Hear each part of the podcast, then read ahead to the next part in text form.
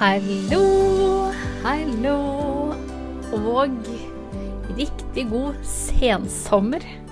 Velkommen tilbake til denne podkasten hvis du har hørt på før. Og hvis du ikke har hørt på, hjertelig velkommen til deg. Jeg håper at du vil trives med å høre på disse episodene som jeg legger ut. Det er i hvert fall alltid mitt håp. Vi legger sommeren bak oss. Nesten. Det er jo sommer, jeg vet det, men det føles ikke sånn. Og eh, jeg må si det ble en eh, veldig fin sommer for meg. Jeg har brukt tre uker på seilferie. Skulle egentlig være der i fire, men det endte opp med tre. Eh, og det er jo fordi at utfordringene ved å være veldig gravid. Ble, lett, ble, rett og slett for store. Og det ble litt sånn u, uh, Det ble litt sånn farlig. Ikke akkurat farlig, men litt sånn um, Skummelt i forhold til det å gå ut og inn av en seilbåt. Uh, det å sette anker, bare meg og han. Ting blei vanskelig. Jeg ble tyngre. Jeg fikk mye mer vondt, mye mer kynnere. Sov dårlig. Eh, mye dårlig vær. Ja, mye sånn som liksom påvirket litt. Og, men likevel så syns jeg liksom ferien har vært liksom skikkelig fin. Jeg, har, jeg ser tilbake igjen på ferien og tenker det var skikkelig deilig. Og jeg trengte det. Fordi august blir, og er, en veldig stressende måned. Vi skal flytte. Det skal pusses opp ferdig, og det skal kjøpes inn masse ting. Både til hus og til baby. Uh, uh, ja. Og så har vi endelig kjøpt bil, da. Så det var jo For de som har hørt de tidligere episodene, så vet dere jo at bil var på manifesteringslista mi, så den kan jeg krysse av. Uh, visse babyting som jeg ønsket meg, er også på manifesteringslista. Og det begynner jeg å huke pent og pyntelig av. Um, og så har jeg jo satt ut i livet noe jeg har drømt om i flere år. Og det har vært skikkelig skummelt. Um, jeg har alltid hatt et ønske om å holde kurs i fire uker om et eller annet tema. At uh, ja, det kommer en gjeng, og jeg skal lede, da. Og i august, eller denne måneden her, eh, og denne uken her, så skjedde jo det. Da begynte manifesteringsbobla, som jeg har kalt den. Og eh, det er skikkelig skummelt. jeg skal ikke lyve der. Um, jeg kjenner på prestasjonsangst, men jeg kjenner også på en mestringsfølelse. Jeg kjenner, samtidig som at jeg er redd, så kjenner jeg at det er så riktig. Um, og det er nok det som gjør forskjellen, da. Fordi at alt, for alt under denne prosessen, liksom, det med å lage ting, det med å um, liksom skrive innhold, har gått veldig enkelt. Jeg har konkludert med at jeg vet når ting er riktig for meg, når det er minste motstands vei.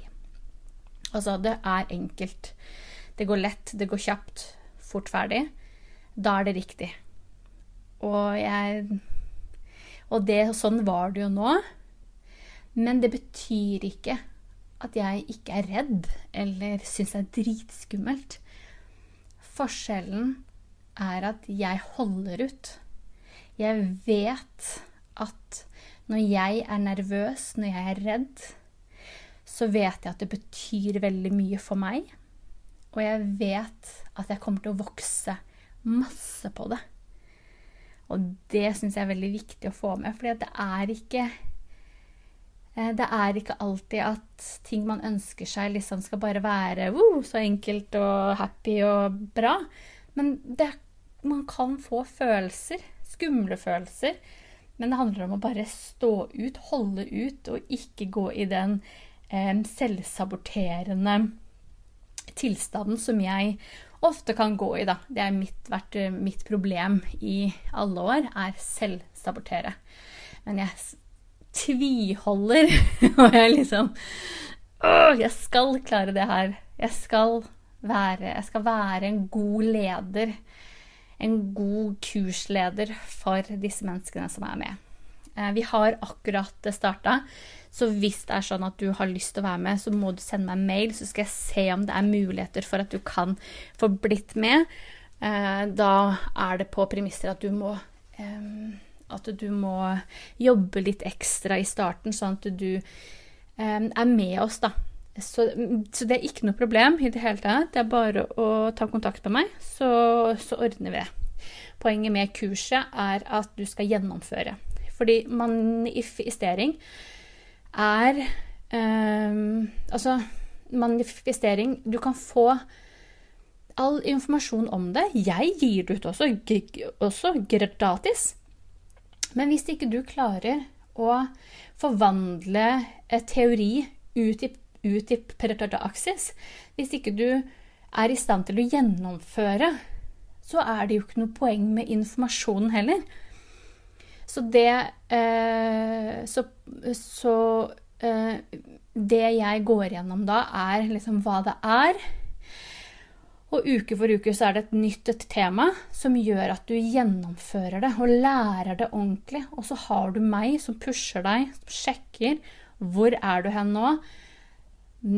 Hva er liksom tidsgreia her? Gjør du det du skal, sånn at du gjennomfører planen din? Altså, det er ikke sikkert at du kommer til å få det du ønsker deg på de fire ukene. Men da har du i hvert fall kommet på en god vei. For fire uker betyr at du har gjort noen endringer, og du har fått masse kunnskap som gjør at du fortsetter. Og det betyr jo ikke da at jeg kommer til å bare si ha det, ferdig. Jeg kommer til å være dritnysgjerrig, selvfølgelig, på om det går bra, eller hvordan det står til, er det noe jeg kan gjøre? Altså, ja, jeg elsker å hjelpe dere. Så så, altså, ja, så heng med hvis du har lyst. Det er en god gruppe mennesker. Altså flotte sjeler som er med. Det er så fint. Jeg gleder meg sånn skikkelig til å se det. Selv om jeg syns det er skummelt. Men over til dagens tema. Jeg var veldig usikker lenge på hva jeg skulle prate om. Men så er det én ting som jeg føler at det går på repeat hele tiden, som jeg har lyst til å ta opp mye mer. Og det er at livet skjer for deg og ikke imot deg. Jeg tenkte, jeg, skulle, jeg tenkte, at vi skulle gå litt dypere inn i hva det faktisk betyr. Um, og det å leve et liv hvor livet er for deg og ikke mot deg, blir som om du eh, ikke lenger lever i offer, eh, offermentalitet, men at du tar ansvar. Det er liksom en eh, videreutvikling av eh, offermentalitet til å ta ansvar. Så hva om du klarer å endre tankegangen din til at når noe skjer, så skjer det for deg og ikke imot deg. Det vil si at når, når noe skjer, istedenfor å skylde på alle andre, istedenfor å bli irritert på noen, istedenfor å reagere på en eller annen måte, så kan du tenke OK, dette skjer. Hva kan jeg få ut av det? Hvorfor skjer dette meg? Og da finner du læring i situasjonen. Istedenfor å ikke vil ta tak i det, eller ikke vil se på det, eller vil skylde på alle andre. Så tenker man Men hva får jeg ut av det?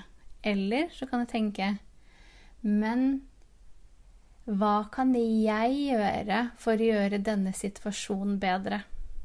Du har en positiv vinkling til det negative da, som skjer, hvis det er det det er. Vi er veldig flinke til å bli glad over positive ting som skjer. Men klarer du å bli glad for negative ting som skjer? Og er det egentlig negative ting? Det er jo spørsmål som du kan stille når ting skjer. Hvis du Ja, ikke sant um, Jeg vet ikke hvordan livet skal uh, du, du, Altså, ved å tenke at livet skjer for deg, så blir jo livet ditt også enda mer positivt. Du klarer å være takknemlig og se glede i de tingene. Og da tar du det ikke så nært heller. Du blir kanskje ikke så såra, men du tar ansvar. Og du ser på hva du kan lære av det her. Og ikke minst reagerer du fordi du har noen negative følelser rundt det som skjer. Og er du da villig til å se på de negative følelsene på det som skjer? Er du villig til å gå dypere inn i det og se Men hvorfor reagerer jeg på dette?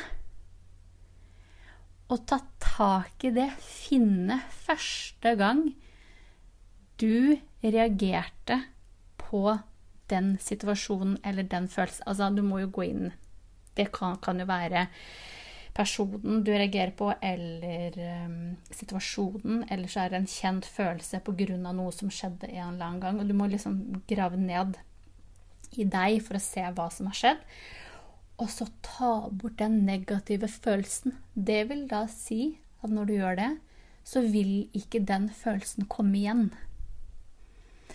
Og da får du mindre og mindre følelse av at livet skjer imot deg. Men når ting skjer da, så ser du automatisk at ting skjer for deg. For at du skal kunne lære noe av det. For at du skal kunne gå Eh, du skal kunne, kunne gå dypere inn i det. Og da er ikke ting så dramatisk lenger. Det er ikke så alvorlig. Det er ikke så Det er din feil at alt skjer. F.eks. i parforhold. Veldig godt eksempel der. Er du den personen som skylder på partneren din?